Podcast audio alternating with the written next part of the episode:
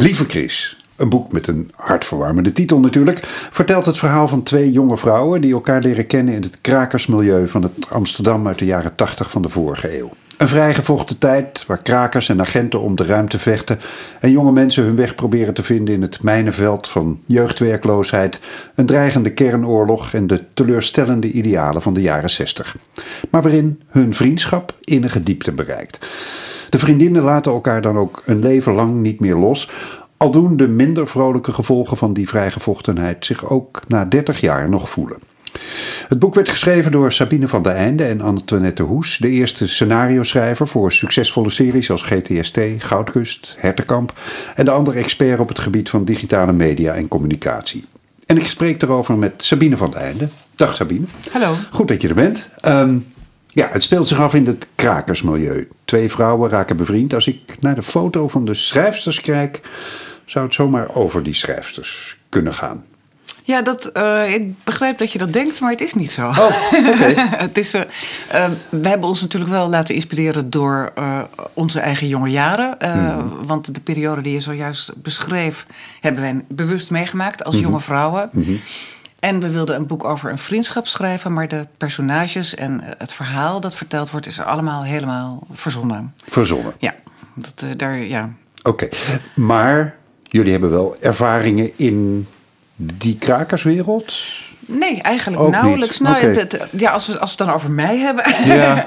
ik ben wel op feesten in kraakpanden geweest. En ik heb ook wel eens een nachtje gelogeerd in een kraakpand. En, eh, dus ik heb, er, ik heb heel wat. En ik heb wel eens gefilmd in een kraakpand of op, Mhm. een, eh, op het Storkterrein. Eh, dus ik, ik, ik heb ze wel van binnen gezien, maar ik was zelf geen kraker. Nee. Dat, eh, ik woonde gewoon bij mijn moeder thuis. Nee. Oké, dus, dus eh, ja, wat was de inspiratie om vanuit die tijd een, een verhaal op te bouwen? Eh, ging dat om jullie eigen ervaringen in die tijd? Of was het een fascinatie met dat krakersmilieu?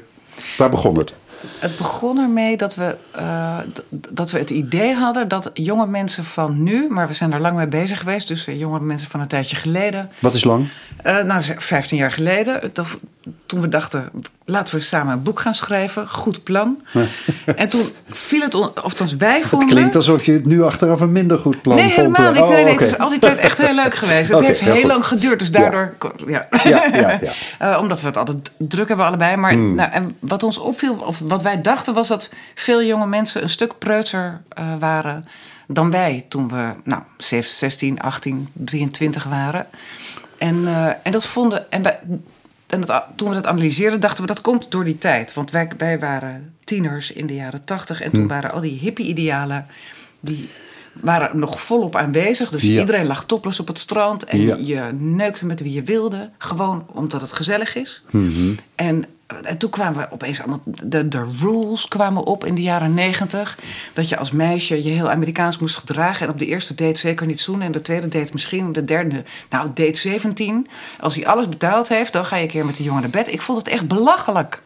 Als je de ring al En bijna om je vinger hebt. Ja, Ja, precies. En Dat, Ja. dat truttige, preutse, christelijke gedoe, daar eh, werden wij heel boos van. Dus dat was eigenlijk een hele belangrijke inspiratiebron. Oké, en waar kwam het krakersmilieu dan vandaan? Ja dat, ja, dat was er gewoon. We woonden allebei in Amsterdam en, we, eh, en we, eh, die, die stadsoorlog die was heel reëel. Weet je? Er waren dagen dat je verschrikkelijk moest omfietsen... omdat je anders niet op school terecht kwam. Mhm.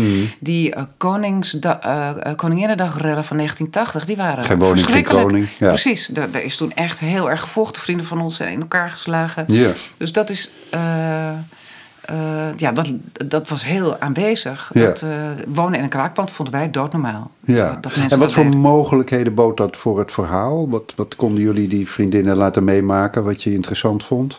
Ehm, eh, nou, we hebben de eerste ontmoeting gesitueerd tijdens belangrijke kraakrellen rond het pand aan de Vondelstraat. Ja. Eh, voor het eerst tanks in de straten van ja, Amsterdam. precies. Nou, dat, Ja. dat vonden wij ook heel heftig. Het grappige Zeker, is, dat vonden dat, het toen ook. heftig. Maar Ja. ik vind het, als ik er nu op terugkijk, nog veel er- ernstiger eigenlijk. Zeker. Want het is daarna niet meer voorgekomen. meer, nee. Dus, dat, eh, eh, en dan, dus ik vond het de moeite waard om dat te vertellen. Ja. Ehm, Ja, we hebben de eerste ontmoeting. Dus de ene vriendin redt de ander. En zo ontmoeten ze elkaar voor het eerst tijdens de, die vreselijke rellen. En daar Red als in fysiek redden in Fysiek, een ja. gevaarlijke Ja. situatie Ja. door dat soort geweld. met Oké. onderaan rollende tanks. Aha, Ja, ja. Eh, en dan ontstaat er een vriendschap. En dan laten we dat krakersverhaal eigenlijk helemaal los. Hmm. Heel onverantwoordelijk. En Vanuit het auteursstandpunt, maar eh, oogpunt gezien. Eh, maar dan gaat het verhaal over die vriendschap. En over eh, de vrijheid waarin je toen jezelf kon ontplooien. ja. Ehm, Die vrijheid heeft een tegenkant, laat ik het zo zeggen. zeker, ja. Wat kan je daarover zeggen zonder veel te spoilen? Ja. Ehm, eh, ik denk dat, eh, kijk, in die, in die tijd waren, werd er tegen alle jongeren gezegd: er is geen werk, het maakt geen reet uit wat je gaat studeren, want je zult toch nooit geld verdienen. No future. No future. En dat werd ons echt van alle kanten Mhm. ingepeperd door leraren, door ouders. Iedereen was daar kennelijk zo van geschrokken dat ze het nodig vonden om dat tegen 16 en 18-jarigen te zeggen. Mhm. Zonder dat ze zich echt afvroegen wat dat voor effect dan op je had. Daardoor voelden we ons totaal vrij, want fatalistisch. Het, Hm. is, eh, het maakte niets uit wat je deed. Dus je deed maar wat je deed. Wat er in je opkwam en je deed wat je een goed gevoel gaf, zonder dat je a- aan een planning van je leven deed. Ik vind het tot op de dag van vandaag absurd dat mensen vijf jaar vooruit plannen in hun leven. Begrijp ik niks van. Hm. Er was geen toekomst, Er was dus geen je toekomst. hoefde ook niet met gevolgen rekening Nee, te houden. dat deed je niet. Nee, Ja. precies. En dus gaf je je aan wie je wilde. En je had seks met wie je wilde. En je, je maakte eh, toneelstukjes of je ging dansen. eh, zolang je maar wilde. Je dronk en je gebruikte drugs eh, wat je maar wilde. Het, ehm, er was geen stop. Nee. Ja, en, de, en dat was heerlijk. En dat, maar goed, dat leidt natuurlijk ook wel tot. dat kan ertoe leiden dat je elkaar heel erg gaat pijn doen. En dat gebeurde natuurlijk. En dat gebeurt in ieder geval in het boek. Ja, want daarbij, als je dat soort morele grenzen of in ieder geval eh, mogelijke consequenties van je gedrag helemaal uitschakelt, betekent het ook dat je mensen die je heel dierbaar zijn eh, kan gaan kwetsen, omdat dat ook een grens is die je gewoon niet, Niet meer in beeld hebt. Ja, Hmm. ja dat is. eh, nou, het is nou niet zo dat we met een, een, een waarschuwend vingertje wilden, Hmm. eh, wilden opsteken van ga niet te ver over je eigen grenzen. Ik denk eigenlijk dat iedereen de hele tijd over zijn eigen grenzen heen moet gaan. Maar ja, inderdaad, de bottom line is wel eh, dat je anderen niet te veel pijn moet doen Hmm. met, eh, met je, je drang tot zelfontplooiing. Ja, want deze vriendinnen blijven vriendinnen. Ja?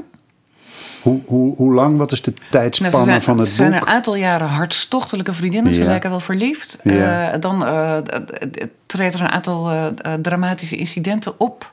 En dan verliezen ze elkaar uit het oog. En twintig jaar later ehm, kan een van de twee er niet meer tegen dat het stuk is. En die, dus, ja, die zoekt haar oude vriendin op via een hele rare omweg. En probeert het te lijmen terwijl ze zelf nauwelijks begrijpt wat ze nou eigenlijk eh, heel wil maken. Mhm. En dat gevecht, daar gaat het boek over. Dat, over hoe ze daar komt. Over hoe ze komt bij het moment om het heel te gaan maken... of hoe ze Ja, komen bij het heel maken samen. Wat, Ja, dat, dat- nou ja, je zou kunnen zeggen dat het aan het einde weer is opgelost. Eh, daar, eh, ja, maar dat kan dat- op allerlei verschillende manieren opgelost zijn. Dus daarmee geven we nog niks weg. Oké, maar wat is het precies het gevecht van het boek... als je er nog iets preciezer over moet zijn? Ehm, ik denk dat de hoofdpersoon Sasha ehm, eh, eh, zichzelf eh, ook zichzelf heeft stuk gemaakt in, in die wilde tijd en in die tijd waarin ze alles wilde uitproberen en het er niet toe deed wat je deed als je maar plezier had. Eh, en dus zij heeft zichzelf veronachtzaamd. Ze heeft haar eigen vermogen om te leiden nou ja, overschat. Eh, en zichzelf afgestompt en littekenweefsel veroorzaakt... waardoor ze zich later niet meer kan openstellen. En daar leidt ze onder als ze ouder wordt. Omdat ze ja, zich in zichzelf opsluit en ongelukkig wordt. Je begon met te zeggen dat jullie inspiratie voor dit boek was dat je de- de wereld tegenwoordig zo truttig vond en de jeugd tegenwoordig zo braaf en eh, dat ze nooit meer over hun grenzen heen gingen enzovoort. Maar als dit de conclusie is en het gevolg van die vrijgevochtenheid van toen, is dan de boodschap niet uiteindelijk dat die jonge mensen tegenwoordig wel gelijk hebben, dat ze die grenzen een beetje in de gaten houden? Eh, ja hoor, dat zou best. Nou, dat- ik weet niet, dat, dat, dat, ze- eh, daar ga ik zo in mee. Bovendien is het zo dat ik inmiddels helemaal niet meer vind dat de jongeren eh, eh, tuttig zijn. Want het, het- op dit moment zijn jongeren heel erg eh, hun grenzen aan het verkennen op het gebied van gender en seksualiteit. Dus het is, eh, maar goed, dat is ook weer een hele kleine kring. Maar eh, nog steeds wordt er niet topless gezo- gezond op het strand. Dus Nee. zolang dat eh, niet terug is. Nee. En uiteindelijk wilden jullie natuurlijk gewoon een mooi verhaal vertellen. Vijftien jaar over gedaan. Eh, is het gelukt? Ja, ik vind het wel. Ja, het is. eh, eh, ja, zeker. Ik ben heel blij met wat er ligt. Oké, nou, we kunnen niet wachten. Lieve Chris van Sabine van der Einde en Antoinette Hoes verschijnt in mei bij Uitgeverij Pluim. Dankjewel. Dankjewel.